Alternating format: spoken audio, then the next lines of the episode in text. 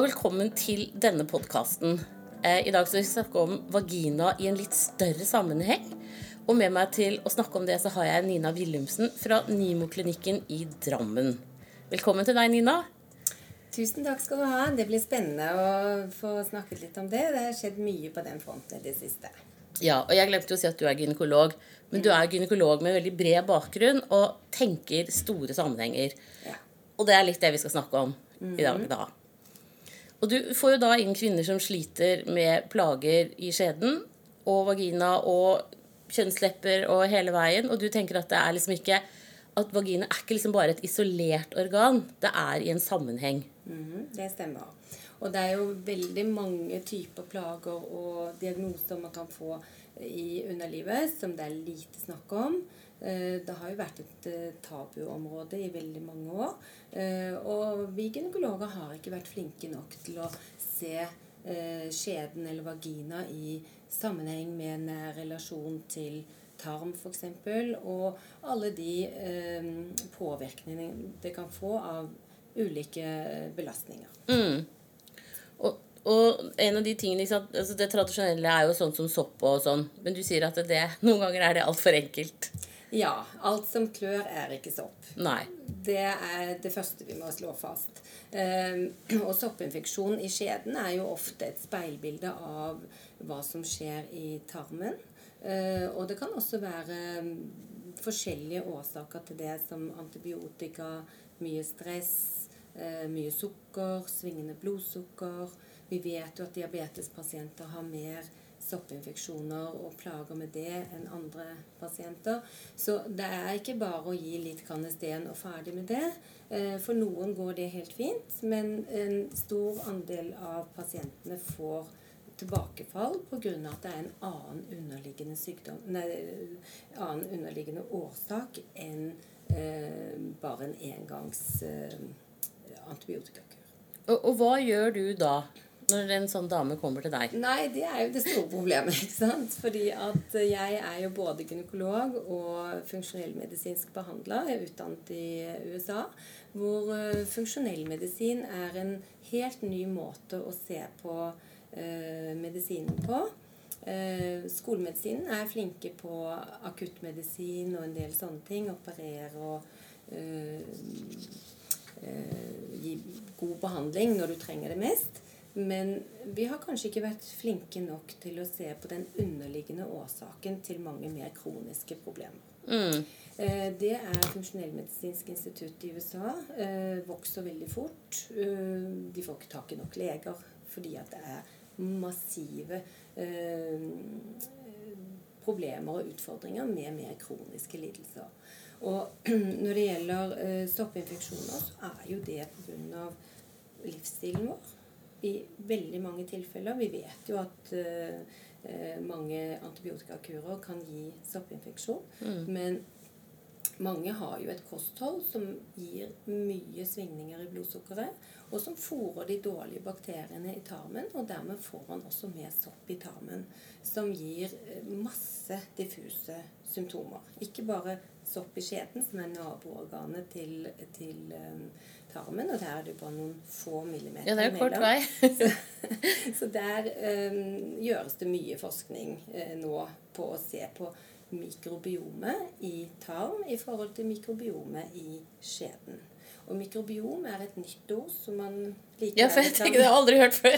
Nei, det kan man like gjerne lære seg først som sist, og det er jo det man eh, forsker så veldig mye på nå. Og det mikrobiom betyr at man ser på hele sammensetningen av bakterier, sopp, virus og eventuelt parasitter, som er et miljø. Og hvis man har en forskyvning i mikrobiomet mot eh, eh, ubalanse, eller det vi kaller for dysbiose, så vil det også kunne påvirke negativt i forhold til eh, mikrobiomet i skjeden. Ja. Men de fleste hulrom i kroppen har sitt eget mikrobiom. Men vi ser jo eh, at eh, forholdene i skjeden gjerne gjenspeiler hva som skjer i tarmen. Ja. Så, så da, da kartlegger du hva folk spiser og sånn, da? Og, Ja, og det, som gynekolog så får jeg jo ikke anledning til å gjøre dypere eh, analyser av det i, i, en gynekologisk praksis. Så hvis dette er et stort problem Altså jeg kan gi generell rådgivning om hva man ikke skal spise, og mm. at dette kan ha sammenheng med at du faktisk har en irritabel tarm eller sopp i tarmen eller sånne ting. Som overvekst av sopp i tarmen. Alle har sopp i tarmen. Men overvekst av sopp.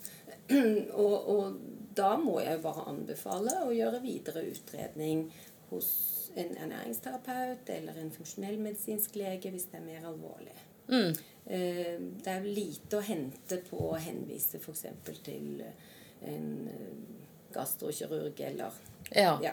ja. for de tenker ikke sånn helhetlig? De tenker ikke helhetlig enda, men det kommer jo. Og øh, det siste jeg hørte nå, var jo at, at, man satser mer og mer på persontilpasset medisin, som er et annet ord for funksjonell medisin. Eh, hvor, hvor, man tar mer inn over seg at vi alle er forskjellige. Det er jo veldig interessant. Det er veldig interessant. Og jeg har jo holdt på med dette i tolv år. Ja. Eh, og det har jo endret hele min måte å behandle pasienter på og vurdere tilstander på. Eh, som, som, gjør at det blir mer spennende å være gynekolog, syns jeg. da. Ja. Mm. Men, men, vil du si at det, altså det liksom kan gå så langt som at det på en måte går på psyken også hos folk hvis du er veldig skeiv i balansen i mikrobiomet i tarmen? Absolutt. Ja. Uh, og vi vet jo mer og mer om at uh, en dysbiose eller en irritabel tarm uh, påvirker også det psykiske. Både fordi at det laves hormoner i tarmen, og fordi at man får veldig mye plager. Diffuse ja. plager med mindre energi, hjernetåke, husker ikke som før og oppblåst mage som gir smerter og ubehag. Og mange har jo vekslende avføring. Diaré ja. i perioder og eh, forstoppelse i perioder. Som gjør at man aldri liksom føler seg helt vel. Man er ikke syk heller. Ikke Nei, ikke sant? Man blir sånn i sånn mellomland. Sånn, mell, ja. ja. Og, og, det gjør at mange kvinner som fra før har mye belastninger med alt de skal klare av eh, hverdagslige plikter og jobb og barn og omsorgsoppgaver, så blir de veldig slitne av dette. Ja. Og det gjør at vi er, vi er, nødt til å sette mer fokus på optimalisering av helsen. For det, det er jo foreløpig ikke en diagnose, men det er noe som veldig veldig mange vil kjenne seg igjen i. Mm. Og jeg har jo pasienter som, som blir så oppgitt av å ha tilbakevendende infeksjoner i skjeden at de bare slutter å ha sex. De er helt oppgitt over tilstanden sin, men de finner ikke noe løsning. Mm. Og da går det jo kraftig utover samlivet, kan vi vel si. Når man på en måte, du går og føler deg litt dårlig hele tiden, du har ikke lyst på sex. Eh, det blir jo veldig sånn dårlig sirkel å være inne i, da. Det er det det gjør. Og det, dette ser vi jo uh, mer og mer av. Og, og, det er en kompleks uh, situasjon å være i. For man skal jo liksom rekke noe hele tiden. Og stress i seg selv kan jo gi en irritabel tarm. Ja. Så det trenger ikke bare være kostholdet. Eh, og i dag så reiser man veldig mye, og vi utsettes for stadig mer eh, bakterier og virus som vi ikke har vært i kontakt med tidligere, fordi vi også har mange nye landsmenn her ja. som lager mat og Ikke sant? Så, ja. så, så, så vi, vi, har en mye større ut... Uh, altså Vi blir utsatt for mye mer uh, som uh, immunforsvaret må tåle og ja. og, og bli kvitt. Ja, ikke sant? Jeg har, jeg har en venninne som er gift med en fra Tunis. og Hun sa det at de som gifter seg sånn tverrkulturelt, får barn med mer kolikk. For hun, Hennes første hadde kolikk noe så kraftig. Han er jo over 30 nå. Mm. Men jeg tenker liksom det du sier nå, er jo på en måte makes sense, da. Ja da. Så, så det, det, vet vi jo. Vi reiser jo over alle landegrenser. Verden er blitt et lite sted i forhold til det. Uh, og derfor pådrar vi oss eh, infeksjoner i utlandet og andre parasitter og ting som kan uh, gi masse utfordringer i tann. Så det er jo sånne ting som vi undersøker her med, med avføringsprøver. Hvor vi tar to eller tre avføringsprøver med litt Eh, noen dagers mellomrom. Og så sendes det til analyse. Ja.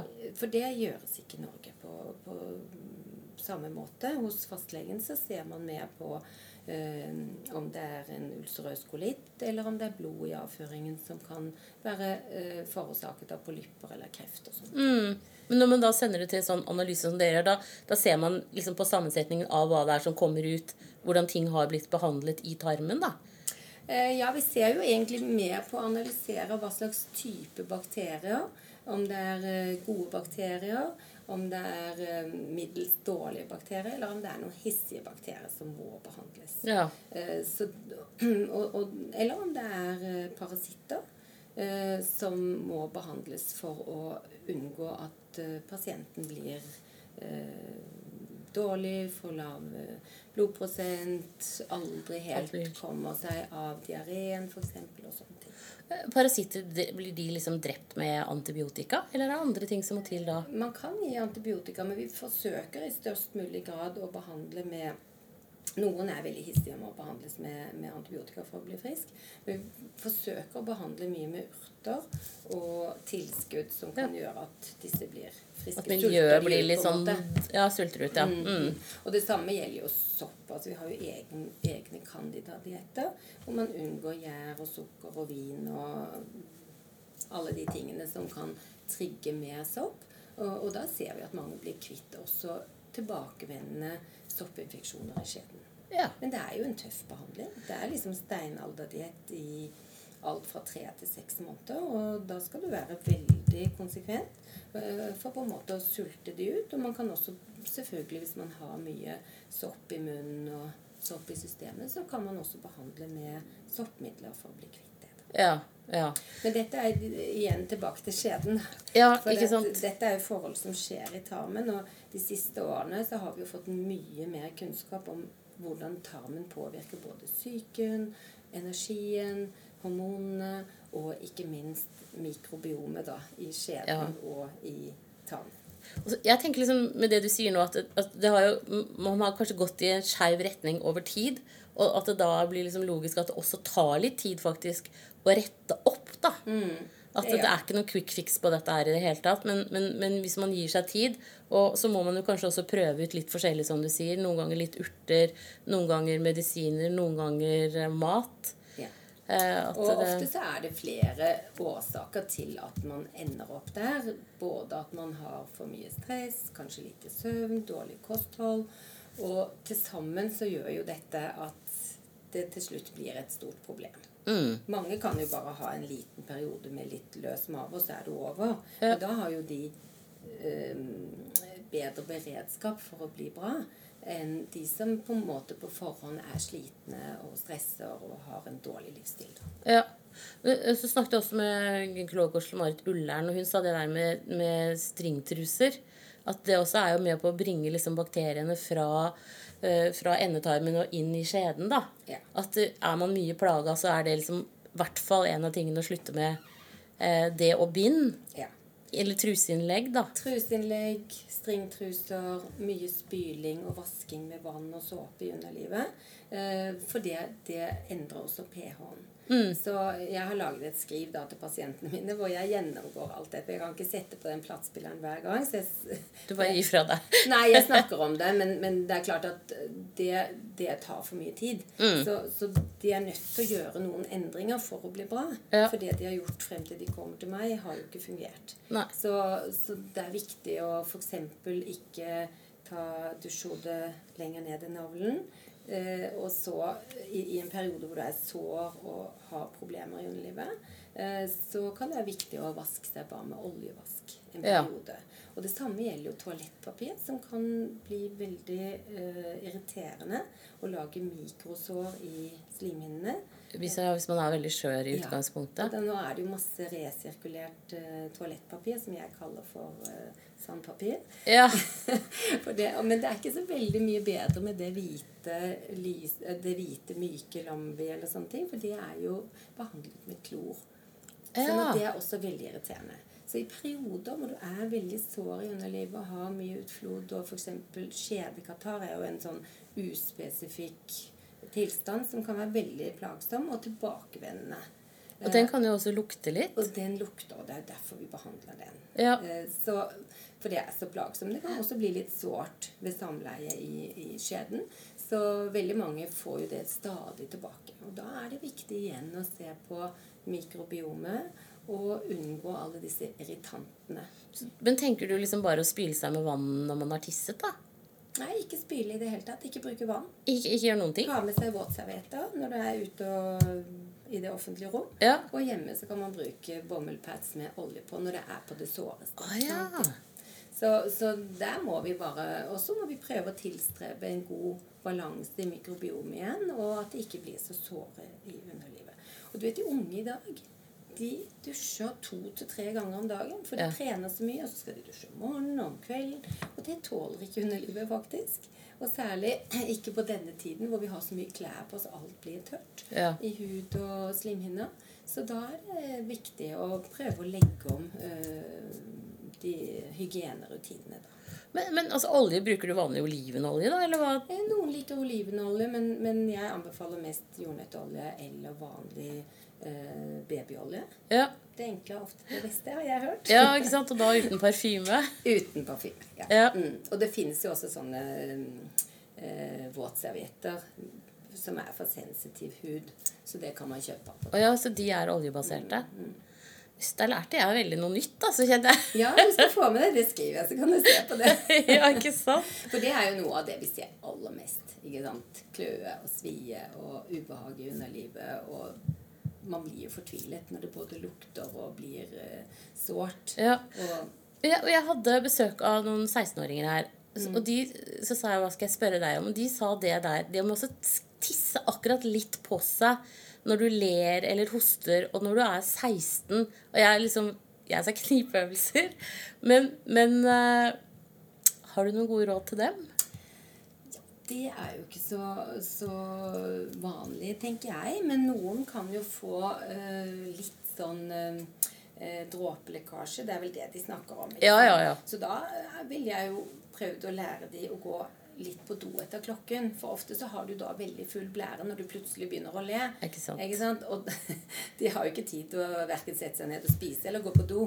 Nei. De er jo så opptatt av det sosiale og holder på. ikke sant? Så da tenker jeg at det er det viktigste. Å Mm. lære de litt om hvor ofte du må gå på do, og at du ikke må ha sprengfull blære. Ja. For da, da går det jo ikke. Nei, ikke Verken sant? å hoppe på trampoline eller le eller løpe, eksempel. Ja, ikke sant? Så husk å gå på do i løpet av skoledagen. Ja.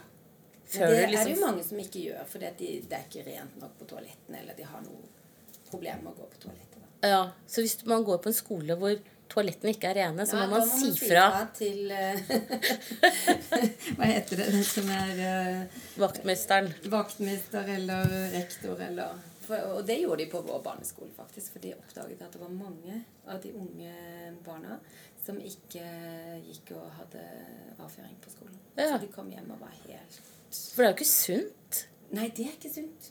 Så dette går på helt sånn normal eh, ja, eh, Ja. sunn fornuft. Mm. Eh, Så det ikke, men, men det er ikke så vanlig at unge lekker, så da er det nok ofte det som er problemet, vil jeg tenke. Ja. Eller det kan være andre mer anatomiske ting, Mm. selvfølgelig, men det er, det er mer sjelden. Ja. Men, men tilbake til eh, skjeden, da. Hvis man går og er sånn stadig irritert, så, så har jo de, dere her på Nimo-klinikken har jo også vaginal laser som kan hjelpe mot veldig sånn slø, skjøre slimhinner. Ja. Og en av indikasjonene for å benytte eh, vaginal laser eh, kan være stadig tilbakevendende infeksjoner i underlivet. Eh, for da styrker man slimhinnene, og de blir mer motstandsdyktige for bakterier og sopp og virus i, i, i skjeden. Og det er jo spesielt etter overgangsalderen. Men også hos yngre kvinner som, som eh, er mye plaget, så kan det være tiltak. Ja, For jeg tenker også litt sånn der at når man har, man har født, eh, og så har du renselse, ikke sant? og du går og er fuktig i skjeden egentlig i flere måneder. Eh, og da er det jo veldig lett at det oppstår en sånn eh, skjørhet og litt sånn ubalanse. Ja. Så, så etter fødselen så, så kan det jo både være at det er litt romslige forhold, eh, og det er jo en stor prosess som egentlig er normal etter fødselen, men noen får jo problemer med infeksjoner, og da kan jo det være uh, et tiltak uh, som kan være bra både for å stramme det litt opp, og ikke minst gi uh, bedre slimhinner som tåler mer. Og som er en bedre barriere mot overføring av bakterier fra, fra tarmen, selvfølgelig. Ja. Så det brukes veldig mye i utlandet. I Norge er eh, er vaginallaser et relativt nytt begrep. Eh, men vi har veldig gode resultater med det. Både etter fødsel og i forhold til eh, restiverende infeksjoner og etter overgangsalder. Ja. ja men det er jo veldig interessant, altså. Men, men da er liksom Din beskjed er liksom Altså, gjør minst mulig med Altså, bruk ikke såpe, ikke parfyme, ikke bind, ikke stringtruser hvis man er plaget, og at det fins faktisk hjelp å få. Det fins hjelp å få, og heldigvis så er, eh, går utviklingen i riktig retning. Og det er flere og flere gynekologer som nå interesserer seg for, eh, for vulvovaginale lidelser. Eh, og vi ser jo mange som har mer kroniske ting, som vestibulitt, som mange ikke vet hva er. Som, som, og, og vaginisme, f.eks., hvor man ikke klarer å ha samleie med en partner. Så da er jo kommet til et punkt hvor det er ganske alvorlig. Eh, og som mange kvinner lider under. Men, men hva ville du sagt var et sånn tidlig tegn på vestibulitt? For jeg tenker, her også handler det om at det står litt over tid, da. Det er ikke noe sånn du får det natten, over natten, liksom. Nei, det får du ikke over natten. Men, men øh, vestibulitt er jo en relativt ny diagnose. De siste 10-15 årene så har det vært mer fokus på det. Men det har vært til alle tider? Det har vært til alle tider, men vi ser nok mer av det nå med økende stress, øh, slanking øh, Vi vet jo ikke helt hva som er den utløsende årsaken, men, men det som kjennetegner de pasientene, er at de ikke klarer å sette inn tampong eh, fordi det gjør så vondt, og de klarer heller ikke gjennomføre samleie. Eh, noen gjennomfører jo allikevel eh, med mye smerter. Og da kan man også utvikle det som kalles vaginisme. Som, som hvor man ubevisst strammer hvis man skal ha samleie, og da, da låser det seg. Da Eh, er det veldig vanskelig. Så dette er et mm, felt som er i, i utvikling. Og i Norge så har vi nå heldigvis eh, noe som heter Vulvaforum. Og er en tverrfaglig forening hvor flere jobber for at dette skal bli mer kjent. Eh, og i disse dager så, så får vi jo en ny hjemmeside for eh, vulvaforum.no. Oh, ja.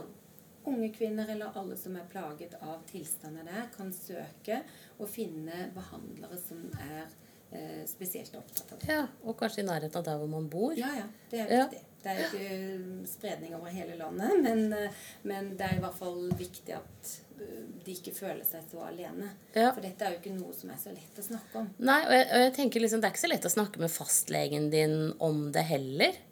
Nei, mange fastleger eh, de har jo veldig mye å gjøre, og de har veldig mye de skal sette seg inn i. Så, så mange fastleger henviser jo da til en eh, gynekolog Ja. for videre utredning og behandling. Men det er jo viktig at de også er kjent med hva dette er. Ja, og jeg tenker liksom sånn også det der at, eh, at man ikke utsetter å gå til lege, da, altså sånn, og eventuelt bli henvist videre hvis man begynner å kjenne at det begynner å bli et problem.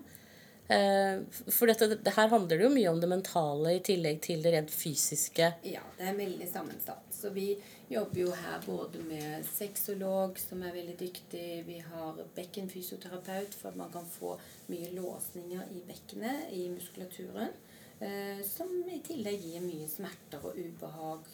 Så, så det er viktig å få tatt dette tidlig og komme til eh, dyktige leger som kan mye om dette. Ja. ja. Ja, men så flott. Da har vi dekket en del. Det er sikkert mange som sitter med mye spørsmål, men mange vil jo kjenne seg igjen i mye av dette. Og eh, jeg tenker at det er viktig å få ut informasjon om dette, og, og at eh, kvinnene kommer til eh, undersøkelse hvis de har mye eh, plager. Og det er ikke godt nok å ringe til fastlegen og si at man klør, og bare få en resept. Nei, ikke sant. annet, ikke sant? Det må undersøkes. For som jeg sa i sted, alt som klør, er ikke sopp. Mm. Og så er det vel litt at sånn soppbehandlinger også kan jo i tillegg gjøre slimhinnene litt skjørere. Eh, sånn at hvis det ikke da var sopp, så, altså, så, så skader det jo for så vidt slimhinnene litt ved feil behandling, da. Det kan du jo også gjøre, men, men det som jeg tenker på, er jo at eh, det kan jo også være andre autoimmune tilstander. Man kan få psoriasis i underlivet, eksem. Og så har vi noen lidelser som heter lichen. Vi har lichen planus, som er en um, uh, autoimmun sykdom som gir mye plager. Brennende følelse i underlivet, masse utflod, umulig å ha samleie. Og det bør behandles da som hos en spesialist. Mm, for der fins det faktisk hjelp å få? Ja, det gjør det. Det er mye forskning på det, men, men uh, det, vi har i hvert fall en god del ting vi kan hjelpe til med. Mm. Uh, og så har vi en annen uh, lidelse som øker ganske mye nå, også i den yngre befolkningen. Det heter lichen sclerosis e atroficus. Eh, veldig vanskelig navn. Ja. Jeg ble så glad for jeg så at i VG hadde tatt opp dette nå på VG+, og skrevet en lang artikkel om lichen.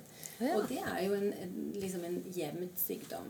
Eh, da begynner det å klø veldig i underlivet, og jeg har vært vanligst eh, hos kvinner etter overgangsalderen, men vi ser det nå i yngre alder også. Ja. Eh, og da blir endrer farven seg på slimhinnene i underlivet. De blir litt sånn læraktige og, hvite.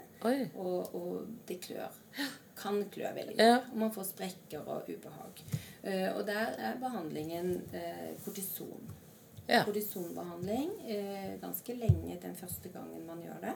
Og så hvis man får tilbakefall. De fleste får det.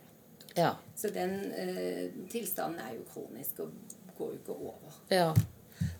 Du sier at det er en auto, er det en autoimmun sykdom? Begge de to er autoimmune sykdommer. Hva, hva er autoimmun sykdom? ja, autoimmun sykdom eh, er jo noe som kommer innenfra. Det er ikke noen ytre påvirkning. Vi har ikke noe bakterie eller noe sånt som kan forklare eh, en autoimmun sykdom. Eh, og det går jo på immunforsvaret. Ja. Eh, så, så, ofte så har jo disse et svekket immunforsvar av en eller annen årsak. Uh, og, og, får da manifestering av symptomene som lichen sklerosis. mens andre kan få det som leddsmerter eller psoriasis eller ja. andre autoimmunsykdommer. Så det fins jo en rekke autoimmunsykdommer og de øker. Ja. Pga. forurensning, stress, eh, tungmetaller, Måten... maten vi spiser, ja. lite søvn. Ja. Og tøffe jobber. Ja, ikke sant? jeg syns ja. alle har det så travelt på jobben. ja, ja, ja. Men så da tenker jeg, jeg blir litt sånn der at oi, vi må ikke komme helt dit at vi blir sjuke. At det er litt det der at når du begynner å kjenne at nå, nå er det for mye her, at man da tar litt rev i seilene og, og gjør noe med det, da. Ja, absolutt. Eh, men ofte så vet man jo ikke selv hva det er. Det bare klør. Mm. Og spesielt når man går og legger seg, så blir det varmt under dynen, og da klør det enormt. Ja. Sånn at det er viktig at man, man, da får en undersøkelse. Det var det som var ja. utgangspunktet. At man ikke bare bruker kanesten eller et eller annet, for da, da, da hjelper jo ikke det. det. Nei, ikke sant? Så, så, mm, det er eh, viktig å gi opplysning om disse forskjellige Eh, tilstandene, og at eh, folk føler, seg trygge på å ta kontakt. Ja. ja, men da eh, Det blir litt sånn som fjellvettreglene. Heller for tidlig enn for sent. Snu ja, i tide. Ja da. Det, men, men, alle som kommer som har denne lidelsen, har gått en stund med det. Ja. Det tar tid å skjønne hva det er. Men de blir jo veldig lettet da, når de, når de får hjelp. Ja. Og, og kan bare bruke steroidkremer i korte perioder. Ja. De får tilbake. Ikke sant. Ja, men Da sier jeg tusen takk til deg, Nina Willumsen fra Nimo-klinikken i Drammen. Jeg tenker at vi skal ha flere podder sammen. Ja, så hyggelig. Ja, jeg syns dette er veldig spennende. tusen takk. Takk for at jeg fikk komme. Bare hyggelig.